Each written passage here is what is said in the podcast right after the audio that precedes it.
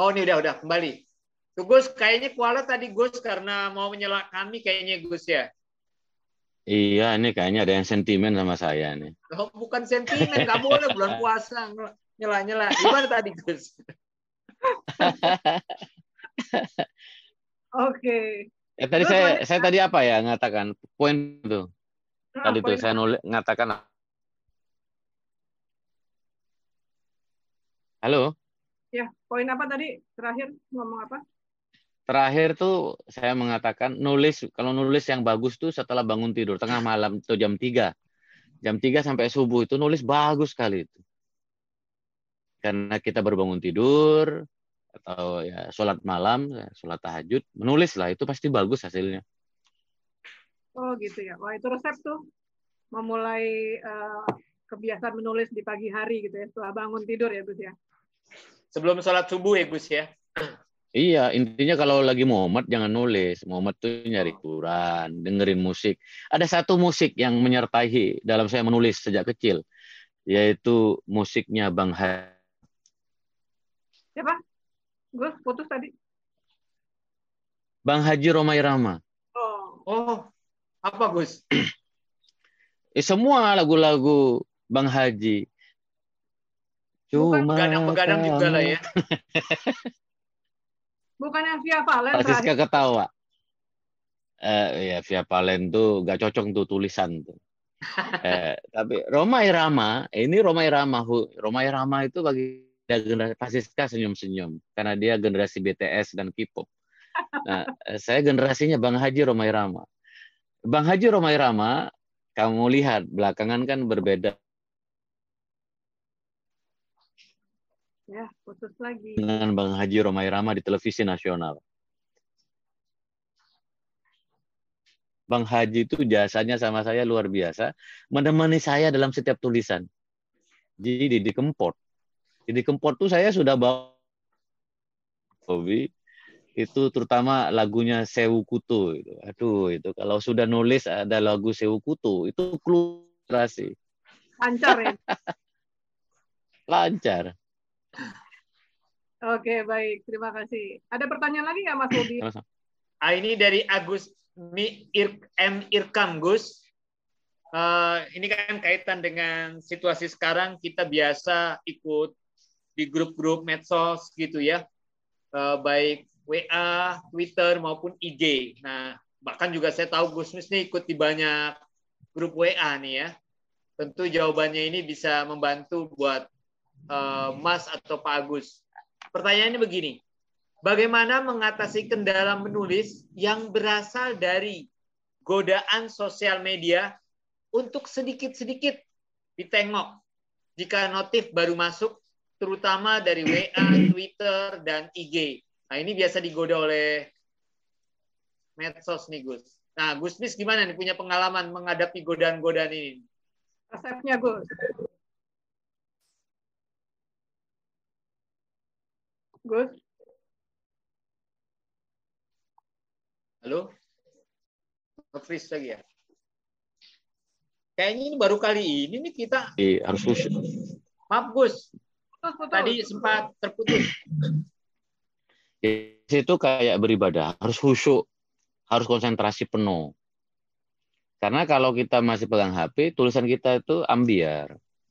Pasti apa ya, eh, tawar lah, masih apa ya, nggak berkualitas. Maka ya kalau kita menulis ya udah kita harus fokus menghadap kiblat, menghadap komputer. Jadi sehingga tulisan kita menjadi baik. Nah, Ini tantangan generasi sekarang Jadi nggak eh, boleh karena selalu pegang HP. gitu ya. Ya. Tapi Ya ngomong-ngomong, maka Gus, itu kan he- silakan silakan Gus. Habitnya itu memang harus dirubah. Karena sekarang kan pegang HP. Habitnya harus pegang buku supaya kita tidak menjadi kebiasaan pegang HP. Nanti pegang buku. Apalagi buku tabungan tuh, Bob. Jadi harus pegang buku. Jangan pegang HP. Mana kan bawa buku supaya itu habit kebiasaan. Anak-anak sekarang kan pegangnya HP nggak pegang buku sehingga dia selalu punya hubungan dengan eh, gawainya kan. Maka harus kita harus pegang buku sama HP sehingga kita nggak jadi kebiasaan. Mulai membiasakan pegang buku ya, Gus ya. Buku tabungan tadi khusus saya itu kata Gus Mis.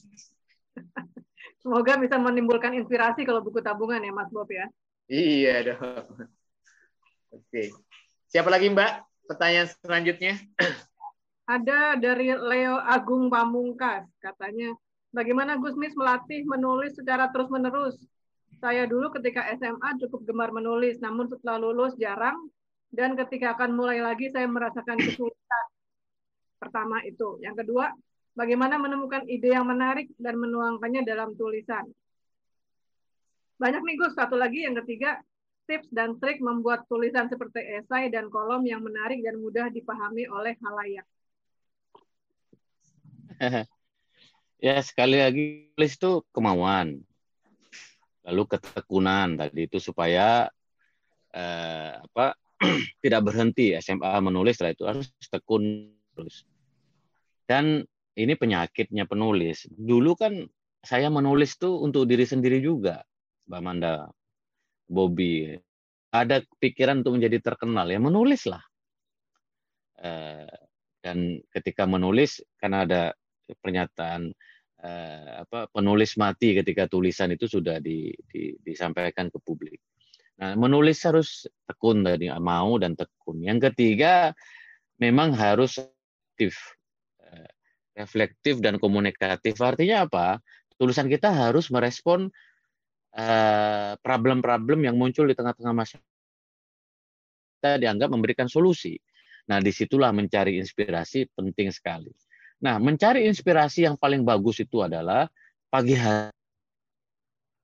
Maka kemudian di dalam Islam ada uh, satu hadis Nabi, uh, ini ya benar atau tidak, tapi kita menganggapnya hadis Maumatus sobah turisul fakr. Ini karena suasana Ramadan tidur di pagi hari itu mewariskan kefakiran. Maka pagi itu jangan tidur. Bagi seorang penulis, pagi itu momentum yang sangat berharga karena ide-ide baru itu ketika kita baru bangun dari dari tidur, itu ide-ide baru itu lahir. Maka gunakan kesempatan di mana kita setelah bangun tidur itu untuk mendapatkan inspirasi. Jadi itu jawabannya. Anda Ya, sepertinya kita yang kolab sekarang kita yang di. Oke. Mas Bobi sudah kembali? Mas Bobi. Halo? Tapi masih ini kejeglek kita berdua ini.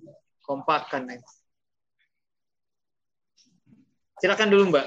Ini belum Oke, kami tadi sempat agak menghilang. Semoga tadi sudah terjawab untuk uh, siapa tadi ya? Untuk sebentar. Tiga pertanyaan tadi adalah dari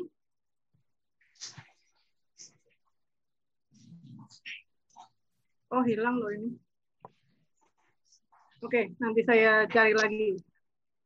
Oke, pertanyaan berikutnya dari hmm, siapa ya? Ada banyak nih, saya jadi bingung nih. Apakah Gusmis mau memilih juga? Silakan, Mbak. Saya ikut aja, bebas. Oke, baik.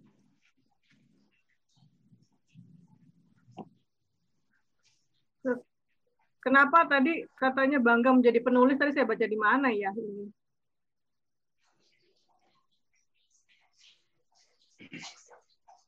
Kenapa kok justru ya, bangga, bangga jadi penulis itu menarik? Iya. Uh, bangga menjadi itu tahun 2004 ke Harvard, diundang di Harvard di Amerika. Ya, Amanda Harvard bukan di Madura tapi di Amerika. Bobby tahu nggak Harvard, Bob? Ini lagi ada, saya tahu Gus. Itu dekat Oxford kan nih Gus?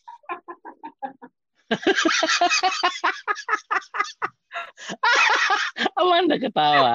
Jadi Saya di apa ke Amerika itu tahun saya ke Amerika tahun 2004 dan di, ke Harvard. Saya melihat buku-buku saya itu di rak di perpustakaan Harvard. Itu betul-betul saya bikin terharu.